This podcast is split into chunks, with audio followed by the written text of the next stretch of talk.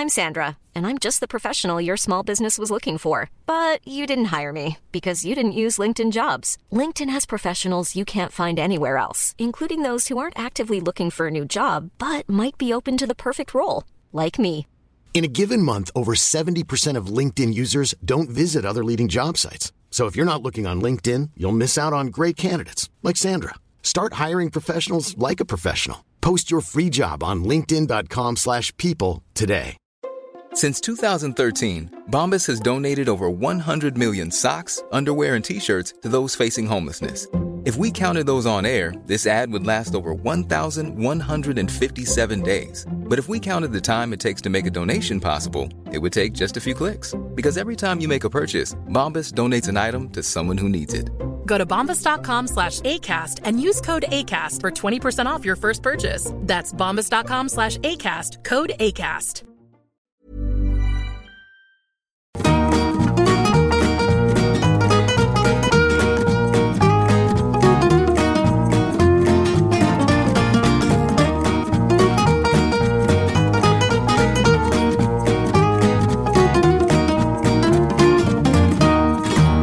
Hallå, hallå, nu är vi äntligen tillbaka från sjukdom. Ja, Kulturråden är tillbaka. Jag heter Soraya Hashim Palmer Lidebrandt. och vi har en gäst. Yes!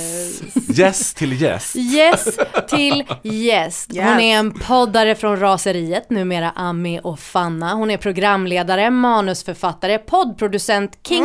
Säg någonting hon inte kan. Det Räkna. existerar Hon kan inte ej. Det räkna. är därför jag sitter tyst. Jag kan inte säga något. Fanna Ndao Norby, varmt välkommen till Kulturråden. Jag var på väg att säga Raseriet. Oj. Ja, oj, du, det var väl lite en sån känga.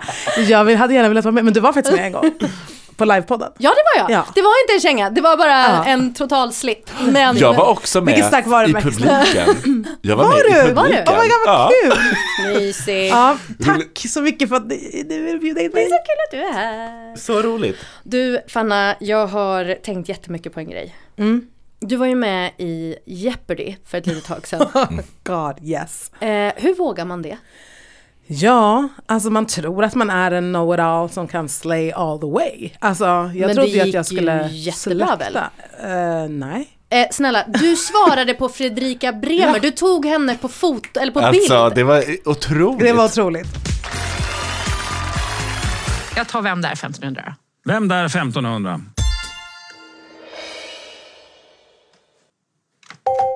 Fanna? Vem är Fredrika Bremer? Ja. Bra, snyggt. Feminist facts. För ditt sociala livs skull så var det bra att du satte den kan vi säga. Där blev Det skulle jag säga också. Ja, det blev lite jobbigt annars. Ja, det är en sån där grej som man kände hade varit pinsamt. Jättejobbigt. Ja. Det var otroligt. Alltså den stunden, vad hände i dig när du bara Fredrika Bremer på bild? Nej men alltså, jag är ju en feminist. jag har väl koll på våra feministiska ikoner i Sverige. Har man det? Har man det? Okej, jag ska säga så här, sanningen är så här. Eh, jag får ju olika utskick hem till mig och olika tidningar är jag med i och då finns det ju Fredrika Bremer-förbundets Ja. tidning. Eh, Hjärta, eller Hjärta? Härta. Kommer Nej, inte vi- ihåg. Vi håller med. Ja, Men eh, det kom vi är en... inte med Jeopardy av en anledning. Nej, Det kom en påse därifrån. En tygpåse med den bilden på. Är det sant? Så att jag hade liksom haft den hemma ett tag. Vad skönt. Och bara, det är Fredrika Bremer. Gud vad bra. Ja. För den var ändå... Det, det, man blir ju jätteimponerad. Det är ju inte någonting men- man bara har Nej. koll på. Liksom. Tusen tack, det där behövde jag höra för att det var ju några grejer. Jag hade ju problem med knapparna. Ja, Alltså nej, jag hade inte problem med knapparna utan knapparna hade problem med eh, dig. Miss Doktorov var så jävla snabb. Ja. Alltså hon var så snabb och hon hade också sagt det, hon bara jag har övat på knapparna. Alltså liksom reaktionsförmågan. Och jag, alltså jag, jag tryckte väldigt ofta, men jag fick inte frågan så ofta. Men alltså hur övar man på det då? Alltså är det liksom i... ehm, Du vet du på Naturhistoriska som ju nu, jag är inte säker på om det är öppet eller inte. Där finns det ju sådana här som man kan liksom tävla mot varandra i reaktionsförmåga. Där det lyser en knapp och så ska du trycka så snabbt som möjligt. Eh, så dit kan du gå, men jag tror att de kanske har stängt på grund av typ ras eller någonting. Vadå ras? Nej men alltså det har ju varit museer nu som har stängt på grund av så här att det inte är säkert att vara där, att det har rasat från taken och grejer så att de har varit tvungna att stänga. Nu kan det vara så att det inte är hela museet, att det bara är något rum eller så, att de kanske är öppet igen. I don't know. Jag Gud, borde läsa på bättre innan jag pratar, men det gör jag inte alltid. Akuta renoveringar har väl varit liksom Ja. en sån, ett tema. Precis. som inte har koll på kultursidorna. som scrollar mycket på Instagram. Men du Fanna, vad kollar du på just nu?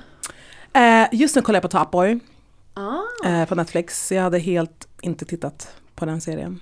Så jag började. hur är den? Den är otrolig. Ja. Alltså man är så Snabba Cash ville göra en svensk Top Boy. Eh, Okej, de, det gick bra med Snabba Cash men det var inte Top Boy. okej. Jag tycker det är jättebra Ja. faktiskt. Vad lyssnar du på just nu? Ehm, just nu är jag inne i en period där jag mest lyssnar på poddar och böcker. Mm. Så just nu lyssnar jag på Kramen från helvetet. Vad är det? Victor de Almeida. Som är en, han har väl bland annat från, jag tror att det är Svenska Dagbladet, blivit kallad för krimfluencer. Aha, Han, Något ska man vara. ja, han har en stor YouTube-sida som heter Dialogiskt. Där han har intervjuat olika kulturprofiler men också eh, tidigare och numera gängpersonligheter och kriminella och liksom, ja, folk har varit där liksom. Så den här kramen från helvetet, är det en bok eller en podd eller? Det är en bok som han har Ja. läst in som kom för några veckor sedan. Eh, som handlar om hans väg ut ur heroinmissbruk. Okej. Och det är väldigt, väldigt intressant. Och såklart ganska deppigt. Eller alltså ganska extremt deppigt. Men väldigt, väldigt starkt. Han säger så. Eh, två av tio heroinist, heroinister eller liksom missbrukare överlever. Han- Två han- av tio? Två av tio. Och han är så, jag är en av två. Shit Oj, vad wow. sjukt. Och jag tänker att typ så här, de tiderna vi lever i nu och även att man tar del av sån här typ av kultur som Top Boy, eh, Narcos, alltså det är liksom en sån himla inflation av den typen av kultur Mm. just nu. Och jag, jag, jag tittar ju såklart. Tycker du bra. att den är liksom förhärligande den kulturen? För att jag tycker att ibland när de tar upp det mörka så är det liksom inte kanske också att man pratar om det faktiska missbruket utan det mörka blir liksom det kriminella. Ja, det tycker jag. Eh, och även diskussionerna i Sverige just nu som ju handlar extremt mycket om gängvåld. Såklart, och hur man ska få bukt med gängen. Bla bla. Missbruksbiten är aldrig med. Nej. Och det är så fruktansvärt för att alltså, he, allt det här göds ju av människor som går på knäna. Mm. Och att få det perspektivet genom hans bok tycker jag är ehm, liksom viktigt och eh, fördjupande och, och typ ehm, emotionellt viktigt. Gud vilket bra tips. Så jag funderar själv, så här, vad lyssnar jag själv på? Ja. Jag har absolut ingen aning. Nej, Men det är inget intressant. när man inte Frågar vet. inte dig. Du frågar ju inte mig, men jag vill bara vara med i leken. Kling!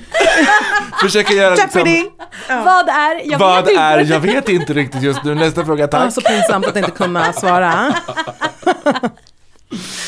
ja. Kulturråden, den här podden, den går ut på att ni skickar in era frågor till oss om eh, ja, vad ni nu än kan tänkas ha problem eller funderingar kring och vi svarar genom att tipsa om kultur. Så ska vi köra igång veckans spel. Ja. Hej Kulturråden. Jag har fallit i en riktigt djup och deppig grop gällande hur jag ser på mig själv. Förut kunde jag känna mig som den vackra i rummet. Jag fick blicka på stan, blev uppraggad på krogen av modellsnygga killar och det kändes lätt att hitta pojkvänner. Klipp till, jag är inne på mitt femte år som singel och jag har inte den blekaste aning om vad Hot Girl Summer är längre. Jag har verkligen försökt dejta, men det har ofta slutat med eh, en endaste dejt. Eller så har det dejtats, men jag har blivit dumpad eh, med orden att det inte kändes rätt. Jag har skickat åt min crush från ett år tillbaka att jag är intresserad av honom. Han svarade att han ser mig som en vän. Vad jag än gör slutar det i misär gällande kärlek. Sitter jag på en uteservering inne i stan, fixad och fin, så kollar ingen på mig. Jag vet att jag har lagt på mig en del kilon. Håret är frissigt, eventuella rynkor finnes, dubbelhaka finnes. Jag pikar inte utseendemässigt nu så att säga. Men ska det vara så illa att utseendet är allt? Är det där vi landar? Jag är 29 år gammal och alla bara blir ihop, förlovar sig, gifter sig, köper hus. Ibland har jag lust att bara lägga mig ner och ge upp. Vad göra? Please help a girl out. Kramar från Hanna. Hej kära vän Hanna. Jag kommer prata om en låt. Men först skulle jag vilja klargöra att jag vill ditt allra bästa. Det måste jag braska redan nu. För att, eh, så att du inte hatar mig eh, så fort jag resonerar vidare här. Så. Eh, det, så här har jag ju hållit på tidigare vid en annan gång och verkligen la upp det för att jag skulle komma med en bomb. Det blev ingen Vet du vad det bomb. blev? Det blev så här, Om ens det, det blev ett så, inget mer. Så att, eh, Mjäkigt. ja, men hellre så, eh, o- over promise och under deliver, det är det som jag jobbar med. Hör du, visst blir man lite trött, och hörni ni, Ja, Ja, hej! visst blir man lite trött på klyschor som eh, det här med det som inte dödar en, det härdar en. Ja. Där. Eller hur tjejer? Ja och nej, ibland, ibland känns de ju ändå, du vet när de träffar rätt, när man är i modet. Ja. När man precis blivit mosad, då kan det vara, nej då är det inte skönt att höra det som inte dödar dig här i dig. Förlåt, det var inget. Jag håller med. Ja, du har rätt. Hej. Alltså jag och Ami säger ju konstant, you live and you learn. Alltså det är liksom det, we say it all the time. Jag hörde henne säga i Värvet, där sa hon, jag vet inte om vi learn. och jag bara alltså, hon har aldrig sagt det till mig, jag har aldrig sagt det till henne, men you know what, might be true. Jag ska inte prata om Kelly Clarkson, det är inte det som är låten. Eh, men eh, visst är det så att rötterna blir starka när det blåser. Och luften blir friskare när åskan går. Och kära brevskrivare Hanna, jag hör på din fråga att det blåser på Genesarets sjö. Du säger att du är redo att eh, lägga dig ner och bara ge upp. Vet du? Jag tycker att det är precis det du ska göra. Jag tycker nog att du ska lägga dig ner och ge upp. Men vänta, vänta, vänta. Hear me out. Nu är ju Cecilia inte här idag. Eh, men du är ju det Fanna och du är ju lite utav en astrogary. Stopp Soraya, jag kommer inte eh, prata så himla mycket om stjärntecken. Men eh, eh, innan Soraya dödade mig så tänkte jag snabbt, snabbt, snabbt fråga om du är en tarotgäri. Ja, Är du det? ja det är Är du det Soraya? Nej, Nej, okej. Sådär, jag skulle nog må bra jag gillar tänker också- fakta, jag gillar vetenskap. man kan, Exakt, och Ibland kan man vara i känslan. Exakt, exakt. Nej, det skadar och förstör. Min roman heter Känsla och känsla, inte något förnuft. Det är bara känsla och känsla. Eh, men man behöver faktiskt inte vara en tarotgäri för att känna till kortet döden, eller hur? Nej. Eh, ni ska få titta på det. Man Har du behöver ju med vara en dig det? tarotgäri för att fatta Okej men det här kanske du kommer Säg, komma till. säg, nej, säg. Man behöver ju vara en tarotgäri för att fatta att döden inte är ett dåligt kort. Exakt. För det fattar ingen annan. Exakt. Och det är det här vi Jo, ska det prata fattar om. man om man har tittat på film och tv så fattar man det. För att det. dödenkortet dyker upp och så är de så här, mm, nya möjligheter, typ. Eller? Det är därför vi är Kulturråden och, ska, eh, och vi älskar att lära och lära ut. Ja, vad fint. Men du har alltså en hel tarotkortlek som du sitter med här. Det här Ja. är... Jag brukar tvätta händerna innan jag tar upp den här, men nu har inte jag Oh, gjort för att du det. inte ska liksom Ja. smutsa ner korten. Och jag hade ju kanske kunnat eh, förbereda mig att ta ut det här kortet, men det har jag inte gjort då. Det var väldigt var, svårt att vara att hitta. Där, här har vi det. Oj, det såg inte alls ut som jag förväntade mig. Nej, inte jag heller. För så ser det aldrig ut på film. De är så olika. Mm. Eh, det här är ju liksom en ganska sån klassisk lek. Eh, men eh, så här ser det ut, ser ni båda? Mm. Vad ser ni för någonting när ni tittar på det här? Vänta, jag får resa mig. Ja, nu ska vi se. Ah, fan, men det här är så kul! Okej, jag ser ju en lie. Mm. Och så är det någon litet kräftdjur längst ner där, typ en skorpion kanske? Eh, det kan det nog vara. Ja, det ser det ut att vara. Men jag ser inget ansikte eller så. Den är, lite, den är ju lite vag. Det är ju inte döden i, i liksom Bergman. Alltså så, det är ju... Nej, det är inte har du kommit Döden. för att hämta, Precis. hämta mig. Hem, har du kommit för att härma mig? Gud, skulle kunna säga till alla på Södermalm. Har du kommit för att härma mig? Jag har gått vid din sida länge. Jag dör. Ehm, det är även en orm här, Mm. en fisk. Eh, det ser ut lite grann som att han kanske styr någon form av skepp, tycker jag. Visst. Eh, och så är, har ju det här skelettet har ju en kungakrona på sig. Visst. Skelettet kan ju kännas lite läskig. Eh, det finns ju väldigt fart i det här kortet kan man ju säga, även fast liksom döden är döden liksom som begrepp. Och ormarna finns där, men ser ni att de ömsar skinn? Jag ser ett jättedåligt löpsteg här faktiskt. På Ja. det här skelettet. Ja, alltså jag tänkte ju att det, att det ser ut som det här, de här trendiga bilderna just nu på Instagram när man ska visa sin ryggrad. alltså, Pro is a Anna. trend, Det är trendy girl. Verkligen, det är fashion forward. Ja men precis. Jag vet inte om jag, nej, jag vet inte om jag ser att de ömsar skinn. Men du ser det. Eh, jag har läst det. det här kortet kallas ju ibland för eh, den som släpper, eliminerar och expanderar. Eh, den universella principen är att avsluta, släppa taget och gå vidare. Man säger ju ibland att en ny början ofta är förklädd till ett smärtsamt farväl. Nej, det är inte Lisa Nilsson jag ska tipsa om. Eh, men något måste dö för att något annat ska gro. Och det som ska dö, kära vän, det är din berättelse om dig själv. Och jag ska hjälpa dig lite på traven. Om vi nu ska börja med den här killen som du beskriver och alla blickar som inte ramlar över dig just nu. Oavsett om de har slutat titta eller om du bara inte ser dem som faktiskt tittar så är det självklart okej att sörja en relation som inte blev av, en flört som inte hände, en blick som inte blickades, tittades. Men det du absolut inte ska göra är att sörja som om just den här killen, flörten, blicken var the one. Visst? Och nej, jag ska inte prata om Swedish House Mafia eller Pharrell Williams. Känner ni hur det blåser? Det blåser på Genesarets sjö. Poetic.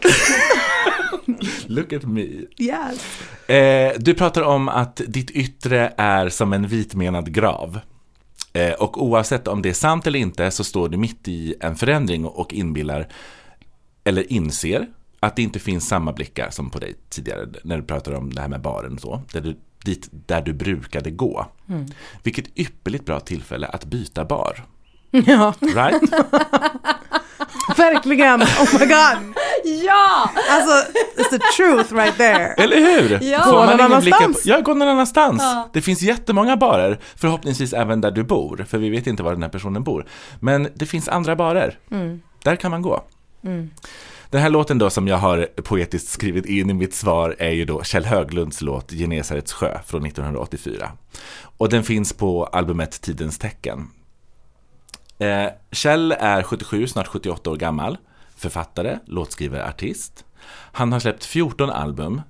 Tidens tecken är det åttonde i ordningen. Eh, och Genesarets sjö är inte en doldis i svensk musiks låtskatt. Det är Kjells mest spelade låt på Spotify, till och med mer spelad än den låten man kanske främst förknippar med Kjell, eh, Man vänjer sig. Känner ni igen någon av de här låtarna? Ja, min brorsa gillar eh, Man vänjer sig väldigt mycket. Han har spelat den många gånger för mig. Eh, ingen alls. Det är, ju, det är ju liksom en speciell stil kan man säga, som Kjell har. Eh, Men alltså ni måste ju spela lite för jag måste ju förstå vad det är vi pratar om. ska jag spela den? Rötterna blir starka när det blåser. Luften blir friskare när åskan går. Det blåser på Genesarets sjö. Och likaså på Gallerivlö Dina kyssar smakar smultron och mjölk Drömmen ska brinna om ett annat liv Låt ditt hjärta slå ett extra slag Låt oss hoppas att det snart blir dag Mina minnen är som körsbär Han håller på att beskriva lite olika rum och olika miljöer och sådär. Man, man tänker lite, vad har det här med allting att göra? Ja. Eh, och sen helt plötsligt så säger han, eh, tänk på mig en enstaka gång. Och då är det som att hjärtat går sönder. Det är så fint. Genesarets sjö har gjorts av många artister eh, efter, alltså cover då. Eh, till exempel Marcus Krunegård, Lova Antell med flera. Ehm, och vad handlar då den här låten om? Eh, ja, säg det. Alla har sina egna små tolkningar, men eh, det är liksom livets lilla meningslöshet. Eh, och för mig handlar det om att komma ut på andra sidan. När jag hör den här låten så tänker jag väldigt mycket på en före detta kollega och numera kär vän. Som är en av de coolaste, klokaste människorna jag vet. Hon kanske inte skulle uppskatta om jag berättade om hennes livserfarenheter. Så jag kommer inte göra det. Eh, men tro mig, historierna är många. Från hela världen och Paris och Sverige. Hon har levt många liv och nu, kära Hanna, ska du påbörja ett nytt. Den här kompisen då, hon har två säg som hon brukar säga under de tiden som vi jobbade mycket med varandra. Den första är, lyft blicken från dig själv. Mm. Den andra är, vad är mitt uppdrag? Eh, de båda är väldigt användbara. Eh, jag menar inte att du ska liksom inte känna de känslorna som du känner. Eh, men du ska inte fastna i ett looptänk som är omöjligt att ta sig ur. Lyft blicken från dig själv och din känsla eh, som du tror och tar för sanning. Och vad är då ditt uppdrag? Alltså i den här kontexten, vad är syftet? Eller snarare kanske, vad kan du göra åt din situation? Bytbar. Om två veckor fyller jag 38 mm. eh, och jag ska berätta för dig, Hanna, om en annan klyscha som man kanske är trött på att höra om man är 29 den klyschan är att livet börjar efter 30. Mm. Men jag ska berätta för dig att jag har dött och återuppfötts många gånger sedan jag var 29 och oftast till det bättre. Det finns de som inte skulle hålla med och som tycker att jag har blivit sämre. Men, men vet du vad, de lyssnar vi inte på. Nej, men snälla. För nu är det jag som har micken. Vet du vad, hate is giving haters. Exakt, och alltså, så Raja, du ska få prata sen. Du behöver inte säga det nu. Så det är, är du en hater? Nej! Vad fan! Bara för att jag inte älskar tarot, astro. Det är en attack mot mig i hela det här programmet. Oh, wow. eh, nej, kära Hanna. Alla stormar ska stillas i din själ. Bara dyningar ska, eh, ska gunga i godan ro. I ditt sinne kommer orkanerna dö och det kommer bli vackert väder på Genesarets sjö.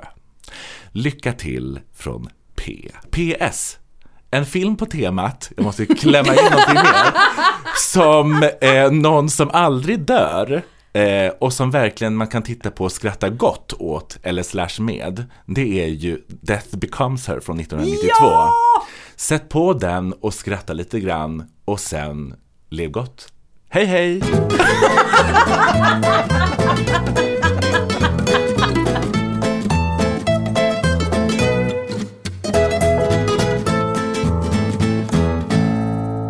Hej Hanna! Du är kvinna 29 år. Jag tänker att vi börjar i det uppenbara. Den ungdomliga kroppen har börjat fejda. Männen kollar inte längre åt ditt håll. Rynkorna börjar ta form. Och vet du vad? Det kanske är svårt att förstå, men Välkommen till din 30-årskris. I mean right? Ja. ja. Du var inne på det också Palme. Ja, vi har sett den, vi har växt upp med den, vi har levt med den. Ja. Vi kanske inte har det, vem vet man? Vem vet? Vem vet? Jag, jag, vill fråga er bara, hur var er 30-årskris? Oj, jag var ganska nydumpad. Jag hade precis slått upp en KK-relation med en person. Jag eh, levde life. Mm. Eh, och sen tror jag, jag hade liksom inte panik över åldern. Den har aldrig gett mig panik. Mer att jag liksom inte är där jag vill. Typ. Mm. Så. Men, prestationsmässigt? Ja, prestationsmässigt. Jag är mm. riktigt så presterare tyvärr. Mm. Eh, men, men nej, åldern har inte skrämt mig mm. alls. Jag har alltid varit, eh, alltså vid, vid 30 då var jag också, alltså jag fram till 29 och ett halvt var jag liksom stressad över 30. Mm. Och sen vid 29 och ett halvt då bara, vad kul det ska bli. Mm. Typ är det så? så? Alltså det var helt sjukt, det bara slog över. Men jag tror att jag också bestämde mig för att jag verkligen skulle fira och att så här, nu blir det 30, vad kul det ska bli. Mm. Eh, eller bestämde mig, jag kände väl och då kunde jag bestämma mig. Men innan, jag, jag är ganska mycket så, mindre och mindre med åren. Men att typ så här, att jag, jag känslan är oftast att jag liksom har förlorat massa år och att jag ligger mm. efter. Mm, mm. Och då kan jag bli väldigt stressad över att säga, okej okay, nu ska jag, inte så stressad över 40 i och för sig. Det tycker jag ska bli kul. Jag fyller ju 40 om en månad. Ja, hur känns det? Nej, superlugnt. Va? Ja. Och... I had no idea! jo. Grattis förskott. Eh, tack. Och jag tycker inte det känns eh, stressigt att bli 40. För att om det är som med 30, att liksom det, alltså det, det, som du sa, det är en klyscha men allting blev liksom bättre Mm. efter 30 och jag tror att allting efter 40 också kommer vara bättre. För man känner sig själv bättre, man blir mer självsäker, alltså allt det Det där. var som att man var stressad inför och sen när man bara så här, vi får acceptera att man blir 30, då blev det kul. Mm. För då gjorde man helt andra val helt plötsligt och då blev det liksom skönare i kroppen. Ja. I alla fall i hjärnan, sen i, eh, sen i Sen har man knän och kanske rygg inte var och så det är kul inget bra men ja. 30, Nej men jag hör det. Ja, mm. Och alltså jag, jag hade en ganska ordentlig 30-årskris skulle jag säga. Eh, men när jag vaknade upp 19 januari eh, 2020 innan pandemin så kände jag bara, ah, it's gone. Det var så jag kände. Mm. Men sen så eh, var det inte riktigt så. För min kris tog lite andra former så vi kommer komma till det senare. Ehm, jag tänker att att hantera en 30-årskris finns det så många olika sätt på att göra. Säkert lika många sätt som det finns 30-plussare. Ehm, och nu är det ju jag då som ska ge de här tipsen. 33 vintrar gammal. Jag är chockad över att jag är 33, men ja, nu är det så. Eh, det jag inte kommer tipsa dig om Hanna, det är hur du ska rocka dina rynkor och acceptera det här förfallet. jag kommer dock heller inte råda dig att gå till närmaste klinik och eh, botoxa upp det här facet. Alltså det, det kommer inte jag göra. Trots att jag själv har börjat kolla in om det är dags för ett browlift. Då sätter man några botoxprickar här över ögonbrynet och så åker ögonbrynen upp lite grann. Så man är lite förvånad hela tiden. Lite, för att jag vet inte om ni ser det men jag använder mina ögonbryn väldigt mycket när jag pratar. Ja. Eh, Jag och, har aldrig tänkt på det. ja men jag gör det. Ja. Eh, de är ofta så här. ja. Och nu så känner jag att mina ögonbryn har börjat hänga, eller mina ögonlock har börjat hänga liksom. Så nu, ja. Men som sagt, det är inte mitt tips. Nej men det här är så konstigt, jag satt precis, alltså liksom för nu när vi pratade så satt jag och tittade på Palmer förut för det var du som pratade och nu när du pratade så satt jag och tittade så bara gud du ser så fräsch ut. Ja. Så att jag tänkte. Ja, men, Och så sitter du och tänker sådär, ah, ja men så, Ja, men så, så är, är det ju, man är ju i sitt eget huvud. Ja. Så är det. Eh, nej, men jag kommer inte behandla den här podden som vilken snickelisnack-podd som helst. Jag hade kunnat bara låta käften gå som jag alltid brukar göra. Nej, nej, nej, nu ska vi prata kultur. Och apropå bara begreppet kultur så tänkte jag ta er tillbaka till min gymnasietid. Jag gick ju på Norra Real här i Stockholm och jag läste linjen som hette samhälle kultur. Och jag minns ett kvartssamtal som jag hade med min mentor Susanne. Hon frågade mig om den här linjen och programmet som man sa då, eh, var vad jag hade tänkt mig. Och jag var på väg att ljuga och sen så bestämde jag mig för att nej, jag ska säga sanningen. Nej, det är inte alls som jag hade tänkt mig. Och hon blev ganska förvånad och frågade varför. Och jag bestämde mig helt enkelt för att låta som min besvikelse bara, vad säger man? Komma ut. Komma, komma ut. Ja. Ja. Det vi använder vår kulturtid till, förutom om man läser bara svenska och alla de här andra ämnena, var kulturhistoria till exempel. Vi lärde oss om pelarkapital, eh, joniska, doriska, korintiska. Mm. Eh, dum. Det är det. om du tänker då antiken, Ja. eh, shoutout Saskia Court, om du tänker romarriket. Eh, Fredrika Bremer! exakt. Högst Och du upp på... tänker Fredrika Bremer på romarriket. Då har du min utbildning. Nej men så här va. Två pelare som har varit en stark, alltså det här är så sjukt. Men alltså det här fick jag lära mig då. Ja. Pelarna Ja. är jätteviktiga inom kulturhistoria för det har liksom gjort så att husen har kunnat stå upp. Våra olika byggnader. Ja. Mm, och det här lär man sig om om man läser kultur. Även, även gymnasiet. konst och bildvetenskap. Ja. och även staden och framtiden, som vår kurs hette också. Eh, då är det, det som är högst upp kallas pelarkapital. Och beroende på hur de är formade så kan du veta från vilket år ungefär Ah, okej. de är. För att de har fått ta olika form. Ja, shoutout till Norra Real. Alltså jag tyckte det här var skittråkigt, but look at me. Look at you now, du kan ju sitta här och berätta för mig, Sitter. peasant som inte har gått universitetsutbildning. doriska, korintiska. Vi fick även lära oss om dopfunter. Ja.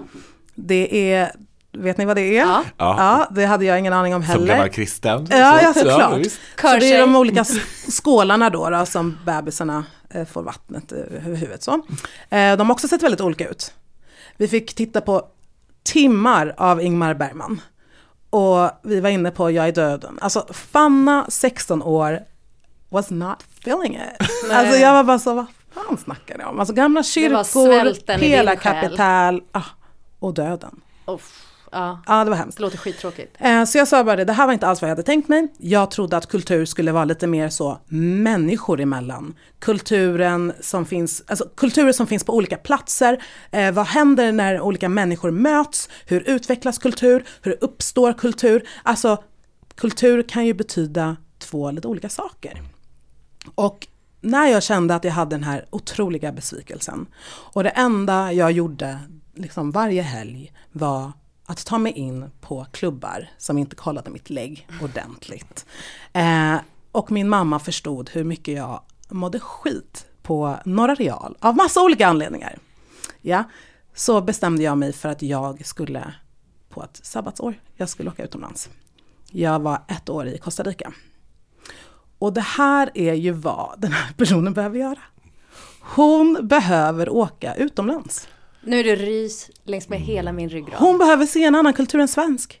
Hon kan inte vara fast här i det här landet där man bryr sig om rynkor, där man bryr sig om några extra kilon eller en dubbelhaka. Det finns så många olika skönhetsideal runt om i världen. Och det svenska, gumman om du inte passar in, alltså it's time to leave. För det här kan fucka en ordentligt. Tänk er! Bar! Byt bar! Ja! Baren vi ska till nu, Ja. den serverar mojitos. Oh! Ja, visst. Vart ska vi? Vart är vi på väg? Är det Kuba? Ja gumman. Är det det? Jag vill, Vad är jag vill ha, Kuba? vad är Kuba? Vad är Kuba? Vad är Kuba? Jaha, hon kanske inte har 20 000 kronor Nej. att boka en flight och ta sig till Kuba. Visserligen väldigt billigt när man väl är på plats, men det är inte jättebilligt att åka över halva Atlanten. Hela Atlanten ska jag säga. Ehm, så det hon ska göra nu är att hon ska slå på Dirty Dancing 2.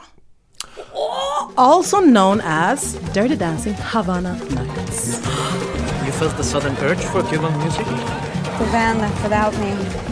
I've been walking for an hour. I can walk you back. Oh no, you don't have to do that. Oh, yeah, you're right. You'll find your way sooner or later. Maybe in a week or a month.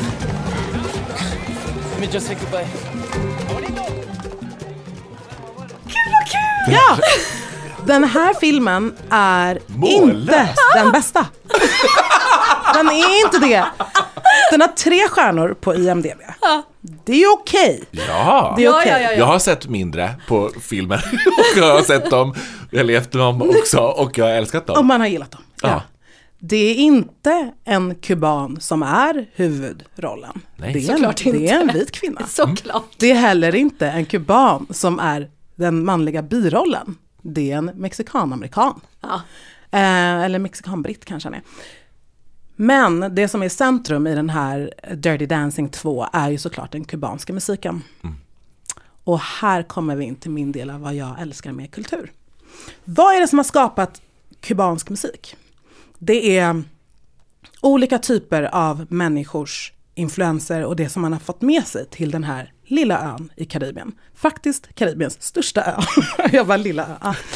Um, och den musiken är ju jätte, jättebred och jätte, jätterik. Det räknas som en av världens rikaste musikkulturer på, på den här lilla ön. Och Den är inte liten, ön är inte liten, men det ryms extremt mycket musikkultur där. Och den här musiken har ju växt fram över generationer. Den har växt fram av människor som har blivit tagna till eh, Kuba från olika delar i Afrika. De största delarna som de kubanerna idag har ursprung från är från det som, område som förut var typ Benin, det ligger runt Nigeria, och Nigeria, Västafrika och även Kongo. Och om man känner till Nigerian and Congolese music, då förstår man att det kommer såklart bli otroligt om man blandar ihop de här och också lägger till lite Spanish tunes. Och det som jag tycker är fantastiskt med kubansk musik, det är att man dansar. Att dansa och röra på sin kropp och känna att du är i ett med musiken. Och även fast man kanske inte dansar så bra så kan man ändå lära sig. Och man kan lära sig känna rytmen gå genom kroppen. Och man kan uppskatta sin kropp till något annat än att bara vara vacker. Man kan känna eh, trummorna, man kan känna vibesen, allting liksom kan bara liksom komma genom hela ens kropp och man kan bara känna sig sexig. Det är kubanerna väldigt, väldigt, väldigt bra på. Att känna sig sexiga. Och det kan vara lite sorgligt. För varför behöver man känna sig så jävla eh, sexig? Och varför är kubansk musik så ett otroligt, otroligt sexig? Den är väldigt också sex... ehm, fokuserad. Alltså i texter och så, Ja? Ja. inte alltid den gamla, men den nu, nutida och den liksom moderna. Det beror ju såklart på att man har levt under förtryck. Mm. Eh, man har levt under militärdiktatur. Vad får man sjunga om? Man får inte sjunga om politik. Man får inte sjunga om sina känslor och, och hur mycket lidande det finns. Man får dock sjunga om kärlek och man får sjunga om what's fun with love. Sex. Du får liksom ett hyperfokus på någonting helt annat när man inte får prata politik. Mm. Och det var ju samma sak i de olika slavsamhällena också. Du fick inte uttrycka dig om vad som du liksom tyckte och kände. Istället fick, var man tvungen att vara i kroppen och man hittade sina gemensamma sånger, sina gemensamma danser och byggde liksom en egen kultur.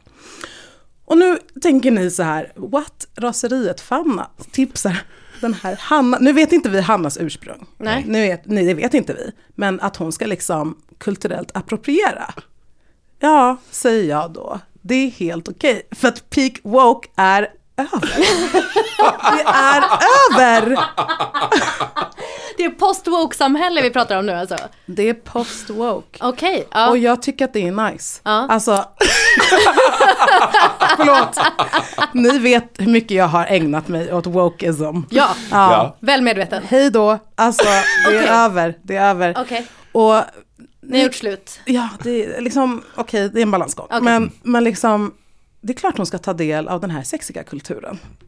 Men alltså jag köper ju helt och hållet vad du säger, det här med att liksom gå in i sin kropp på ett sätt där den är någonting annat än något som ska betraktas och värderas av någon annan, även om det ändå blir det när det handlar om liksom sexigheten. Men Mm. just fokuset tänker jag låter som att det handlar om sexighet för sig själv och sin egen känsla mer Mm. än att den ska betraktas. Ja. Eller? ja, det tycker jag. Och här är vi tillbaka då till min 30-årskris. Ah. Jag började känna att jag klädde mig som en tonåring. Jag fattade inte liksom hur jag skulle sminka mig. Jag kände att liksom, nu måste jag växa upp.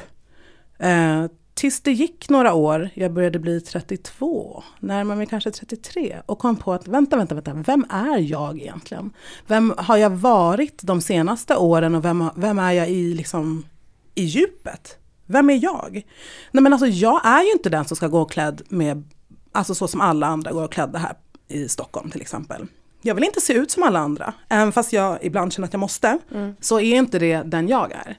Utan jag är ju den tjejen som gick på gymnasiet på Norra Real, lärde mig alla de här olika grejerna, men varje helg gick ut till en salsaklubb, dansade, hade på mig mina tajta jävla kläder, rockade mina syntetmaterial, hade fett mycket smink, jättemycket smycken, ett stort hår. Och så var det med det. Alltså jag hittade tillbaka till min kärna, vad jag tycker om att vara klädd i, hur jag tycker om att liksom må. Och det är någonting som jag tror att hon behöver fokusera på. För att sitta där och vänta på andras blickar och vad andra ska tycka. Det är liksom, hon måste, hon måste hitta hur hon själv känner sig sexig. Och jag tror att man kan hitta det i där man typ var lite grann när man var på väg att bli kvinna. Vad det var som lockade ändå. Och i mitt fall så var det ju den här typen av kultur. Och det har berikat mitt liv något otroligt. Och jag tycker det är så extremt sexigt. Så det hon ska göra förutom att titta på den här, det är att hon ska göra musiklistor.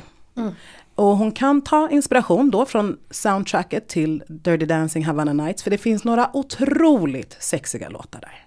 Men sen ska hon ju såklart hitta annan musik som hon känner sig väldigt sexig av att lyssna på. Och på Spotify så kan man ju byta ut omslagsbilden på sin spelningslista. What? Är det sant? Yes! Man klickar på de tre små knapparna, eller tre små prickarna uppe i hörnet och så klickar man på ändra. Youths. Alltså, Alltså, jag bra har att vi ju- har med dem i podden. Ja, men alltså, jag har ju Here precis we are. börjat med Spotify. Nej men sluta! Nej men det här är... Är det LP-skivor? Men jag har- Vevgrammofon? Jag har ju tyckt att Spotify är en oanvändbar app. Palmer är den enda människan i världen som liksom brinner för Apple Music. Inte Apple Music, eh, inte Apple Music.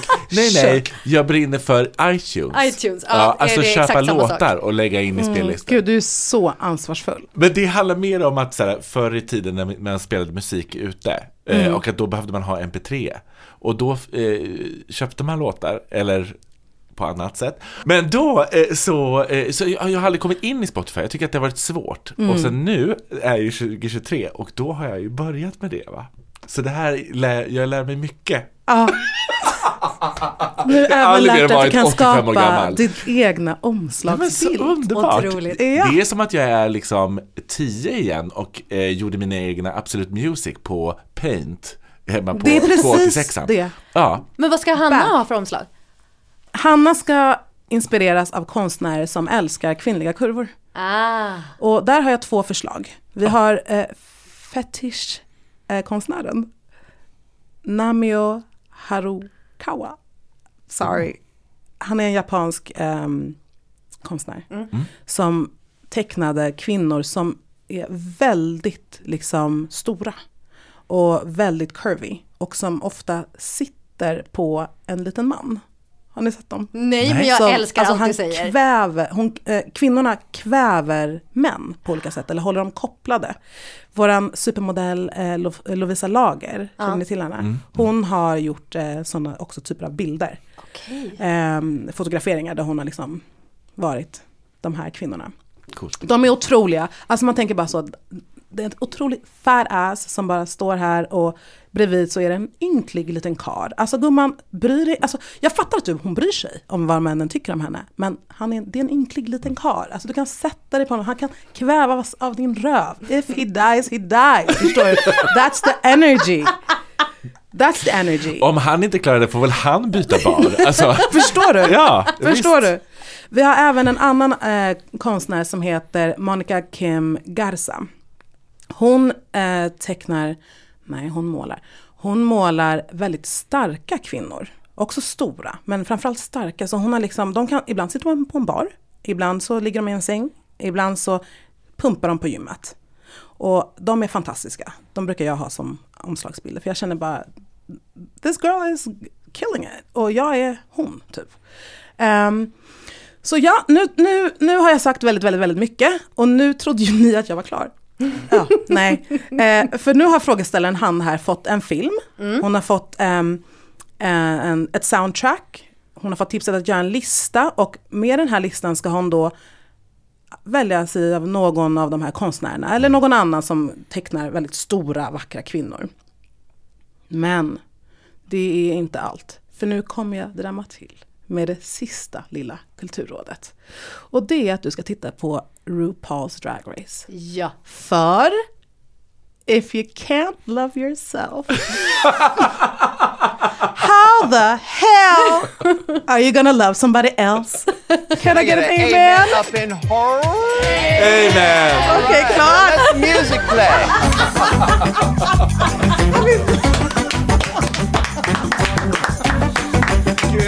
kul! Kära Hanna och Fanna och Palmer. För massa, massa år sedan så var jag jätterädd för killar. Alltså verkligen jätte, jätterädd för killar. För mig var killar kompisar och ingenting annat. Och jag hade jättemycket killkompisar, fler än vad jag hade tjejkompisar. Och på något sätt så var det som att killar för mig, det var ju bara de här dumma stollarna som jag hängde med liksom. De, de var aldrig någonting annat. Men sen så kom jag in i det där att man kanske tyckte killar också var lite snygga och ville bli sedd och allt det där. Och när jag väl kom in i att intressera mig för killar så hade jag ju inget game överhuvudtaget. Jag visste inte hur man gjorde. Jag tyckte det var superläskigt med killar som flörtade och när killar pratade med mig på det där sättet så kände jag mig alltid så trängd och tyckte det var jätteobehagligt och jag visste inte hur jag skulle göra. Och Jag och en vän kände båda två att vi behövde komma ur vårt mönster i hur vi var i den typen av situationer. Så han och jag bestämde oss för att ordna en tävling.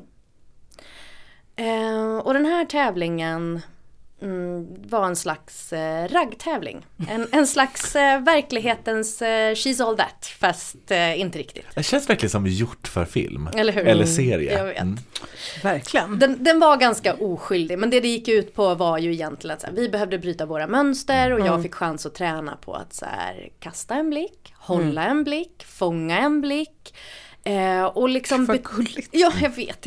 Alltså, det, jag var väldigt mycket äldre än vad man ska vara för en sån där Nej, men- lek. Alltså, Men det alltså, var... om vi ska vara ärliga, Ja. hålla en blick. Ja. Den leken kan jag behöva, eh, leken, den, eh, den övningen kan jag behöva göra fortfarande. Så Mm. det är som att jag liksom blir, så här blir Är det varje gång. sant? Ja, alltså jag är ju tvärtom. Alltså jag blir sant? så här, fuck, alltså folk tror att jag är psyk. Alltså som bara håller en, håller en blick för länge. Alltså inte ens när man är interested. Nej men alltså om, Utan bara så, jag känner att jag kanske kollar för mycket ibland. Så jag bara, ah, kolla åt andra hållet. alltså om jag skulle flirta med dig, eller om jag skulle bara säga oj wow, Ja. snygg, då, och, och du tittar bort, Mm. eh, och sen så, och så tittar jag på dig, och så Mm. tittar bort nu först, och sen så när du tittar på mig, då, det här är min Du bara tittar reaktion. ner direkt. Ja. Alltså en riktig chock. Alltså verkligen så tecknad figur, chockad, Mm. tittar rakt ner i, i, i, i, vad heter det, i marken och bara ah, pågående panik. Ja. Jag är fattar. sån fortfarande. Alltså, Är det, du tycker, tycker att ögonkontakt är jobbigt överlag? nej, ingen fara. Jag blir, det är att bli påkommen av att jag stirrade på dig. Ah, det är det. Jag, jag är jättedålig på att hantera den situationen. Okej, jag tycker det blir ett så himla spännande litet vakuum. Och det var Alltså- det som är läskigt. Det, det, det där liksom, du har ju inte kontroll över det. Vad är det? Eller och vart ska det ta vägen? Exakt, det är Och det du jag måste njuter, känna. du har njutit i din Ja. blick nu. Jag kände panik. Mm. Men det som hände med det här var ju att i och med att det var en tävling så vågade jag. Mm. För att det var ju inte jag själv på spel. Det var ju inte jag själv som var där egentligen. Utan det var ju liksom en tävling det handlade om. Och då kunde jag på något sätt komma utanför mig själv. Det handlade om något annat. Och det var väldigt oskyldigt allting. Men egentligen så var det ju ingen skillnad på mig från ena dagen till nästa annat än hur jag förde mig och vad min inställning var. Jag flyttade helt enkelt perspektiv på mig själv. Och ju bättre det gick, desto bättre blev jag på att ragga och jag fick självförtroende av det och sen blev jag ännu bättre på att ragga och så blev det liksom en uppåtgående spiral. Yes! Ja. Raggningsproffset. Raggningskingen? Absolut inte. Men under den här tävlingen så var jag lite av en raggningsking. Du vann. Ja, absolut. Ja, Winner. ja det gjorde jag. Eh, så här, det är lätt att fastna i ett perspektiv och när man gör det och inte kan komma ur det perspektivet så är det väldigt lätt att man tror att det är sanningen. Just nu är Hannas sanning, jag kan inte få ragg för att jag ser inte ut som jag gjorde förr. Och när man har en sån sanning så kan det leda till en nedåtgående spiral. Man blir osäker, man vågar inte ragga och om man gör det så kanske man gör det lite dåligt. Som gör att man då blir ännu osäkrare. Man ser kanske inte heller när andra försöker ragga på en för att man inte är mottaglig på samma sätt på grund av den här osäkerheten. Och man kan börja lukta desperat. Mm. Och Det är ni så vet sant. ju, Mm, ni vet ju 100%. hur desperation luktar. Mm. Det är inte gott. Det är stressigt. Ja. Raggning kräver självförtroende. Jag säger alltid detta, men det är sant. Fake it till you make it. Och för mig var det precis det den här tävlingen var. Den liksom fick mig att lossna lite.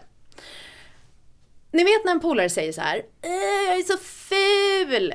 Och så kan man liksom inte se det överhuvudtaget att den här kompisen är ful. För man tycker ju själv att den här polaren är så fin och rolig och smart och underbar och att den per automatik då också blir svinsnygg. Mm. Det spelar ju ingen roll hur den egentligen ser ut. Ens kompisar är ju snygga för att man älskar dem. Mm. Varför? För att man har ett annat perspektiv på saken. Dessutom, och det här, jag, jag tror att ni kanske håller med om detta, men utseende har ju egentligen efter liksom de allra första, första sekundernas intryck väldigt lite att göra med det yttre, faktiskt fysiska. Ja. Det har ju allt att göra med utstrålning och karisma. Ja, alltså jag brukar, eh, eh, jag brukar säga att jag tycker att det är kul med en kille som kan röra på ansiktet. Eller har, alltså som har mimik. Ja, ja. För de är alltid charmiga. Så att eh, om man ska Okej. dejta, en kille som har liksom lite mimik, ofta trevlig. Alltså inte botox. Nej men eh, som, är så här, som ändå, som svarar lite i ansiktet, som är Ja. lite intresserad, så här, jaha vad Ja, kul. jag brukar Ja. säga alltså, alltså, att de inte ska se ut som en död fisk. Ja, exakt, det är samma. Mm, jag fattar. Jag tänker att det, alltså det kan ju ha med det fysiska att göra att någon är väldigt, väldigt vacker naturligtvis. Men det är ju en sån liten försvinnande Du procent. skulle, du skulle säga, det kan ju ha att göra med det fysiska att man ser ut som en död fisk, Ja, alltså det det- faktiska döda Alltså, fisken. säga så här, munnen är inte helt, alltså den kan ändå vara lite cute. lite så plutig mun. alltså stora fina ögon.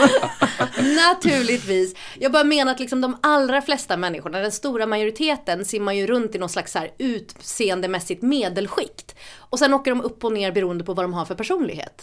Ja, 100 I procent. liksom hur många Ja, poäng visst, de visst. får egentligen i, i hur attraktiva de är. Karisma kommer alltid vinna över det fysiska. Mm. Har ni någonsin hört talas om uttrycket eh, Rashomon-effekt? Nej. Rashomon. Ja. Det här är, det här kommer från en film som heter Rashomon av Akira Kurosawa från 1950. Eh, det den går ut på den här filmen är att det är ett mord som begås. Och det är fyra olika personer som berättar sin version av vad de har sett. Ah. Fyra olika vittnen liksom, Mm. som berättar om det här mordet. Och man får följa alla fyra olika perspektiv på samma skeende. Och i slutet så vet man som tittare inte exakt vad som är sant. Du får liksom ingen självklar, det här var historien som stämde. Mm. Utan det är bara fyra olika vinklar på ett Mm. och samma skeende. Lite som den här eh, The Affair, Just det. Eh, ja, precis. fast det liksom har två perspektiv per avsnitt. Exakt. Det är det här jag tänker att Hannas problem handlar om, eller lösning handlar om, att hon måste göra en perspektivförflyttning. För då kommer hon se saker från en annan sida och då på något sätt så kommer hon så småningom börja se helheten och förstå att det naturligtvis inte handlar om Hannas utseende eller vad det nu än kan vara. Och då kommer hon någonstans också komma närmare sanningen. Det finns jättemånga filmer och serier som visar ett och samma skeende ur olika perspektiv. Och flera av dem, kanske nästan alla av dem, är bättre än den jag kommer tipsa om nu.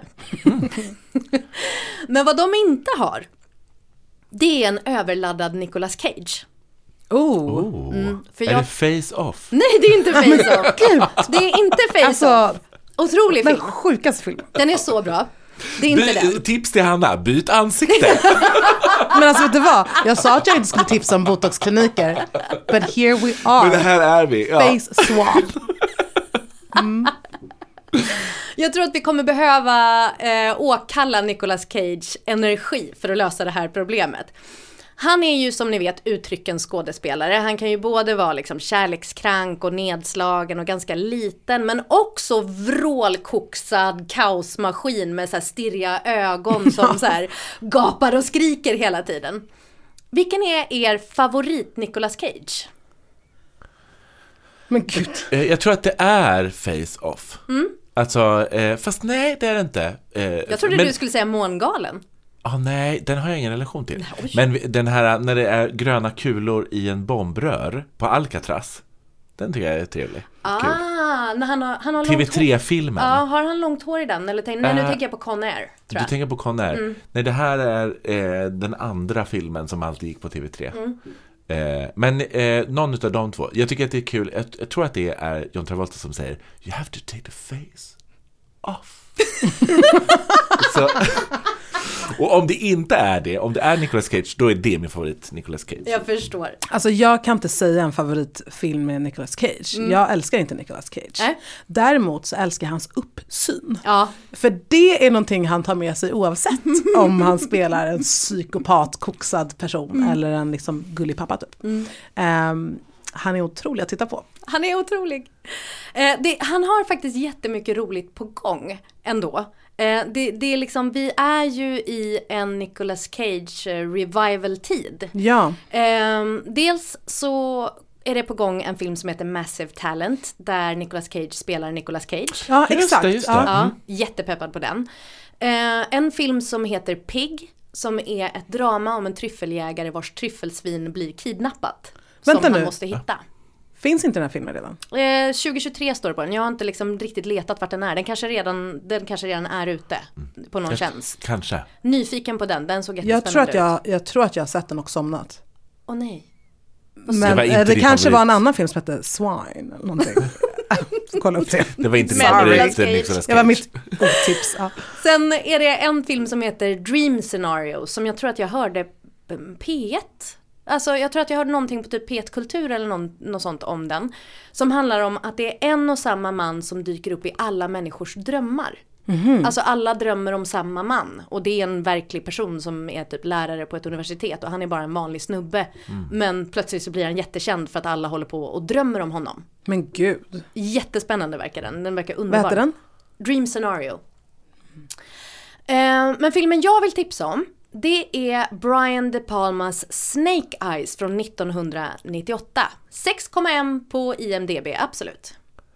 Det här är verkligen en sån film som jag då, 1998, bara, den här ska jag se. Har inte sett. Mm, har du sett den? Fanna? Nej. Snakes Det- eyes. Snake Eyes. För det är Snake en, Eyes. en tuff eh, action Det är en tuff action, Ja. det är det, precis. Ja, ja, ja, verkligen så. Springer, ah, yes. Ja, ja, absolut. Älskar. Han kanske har en cool kostym på framsidan. Åh, Han har, det, jag skulle säga det är mer liksom eh, väldigt jättemönstrad silkig skjorta med stora kragar det över en skinnjacka. Den Nicolas Cage. Den Nicolas Cage. Brun skinnjacka kanske, så. I den här rollistan har vi bland annat Gary Sinise, känd som Lieutenant Dan i Forrest Gump. Och en massa andra som ni kommer känna igen. Snake Eyes handlar om en röten polis, spelad då av Nicolas Cage. Och han spelar honom på det här liksom vansinniga, stirriga kaos-sättet. Han ska då gå på en jättestor boxningsmatch där han har fått plats längst fram vid boxningsringen bredvid sin barndomsvän, alltså Gary Sinise-karaktären. Och Gary Sinise-karaktären, han är där för att agera livvakt åt USAs försvarsminister. På vägen in till den här boxningsmatchen så träffar Nicolas Cage en massa olika människor. Det är liksom reportrar, en sån där snubbe som tar bets innan matchen, det är en av boxarna, det är advokater, olika snygga tjejer. Han får jättemånga samtal hela tiden på sin flipptelefon av guld. Och det är liksom totalt kaos i början. Det är liksom en 20 minuter lång inledningsscen utan klipp där han rör sig genom arenan till sin sittplats där det händer hur mycket som helst. Sant? En one take? Alltså det finns dolda klipp i den, Okej, men det ska ja. se ut som en one take.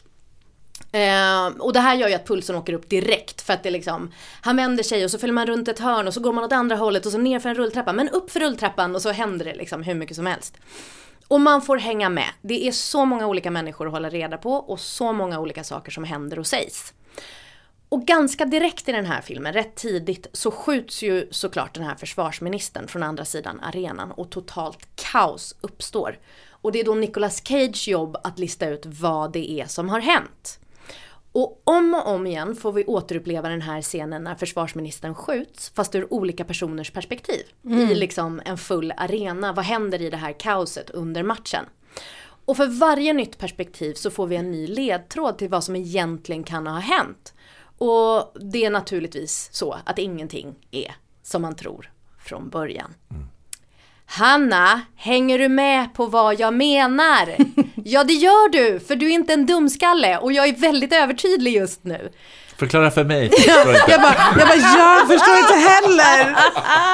Ja, men det är du och jag. Jag. Du behöver se den här filmen för att förstå att det finns fler sätt att se på dig själv än det du har fastnat i. Och det du har fastnat i är inte nödvändigtvis sant. Och sen behöver du bara lista ut vilket annat perspektiv du ska ha och hitta ett sätt att agera därefter. Naturligtvis jättemycket lättare sagt än gjort. Men när man har problem så är Nicolas Cage ofta en bra början i alla fall. Och sen kan du byta bar och du kan åka till Kuba och du kan göra en massa olika saker. Men kanske att jag liksom kuppar här och säger börja med Nicolas Cage. Stort lycka till!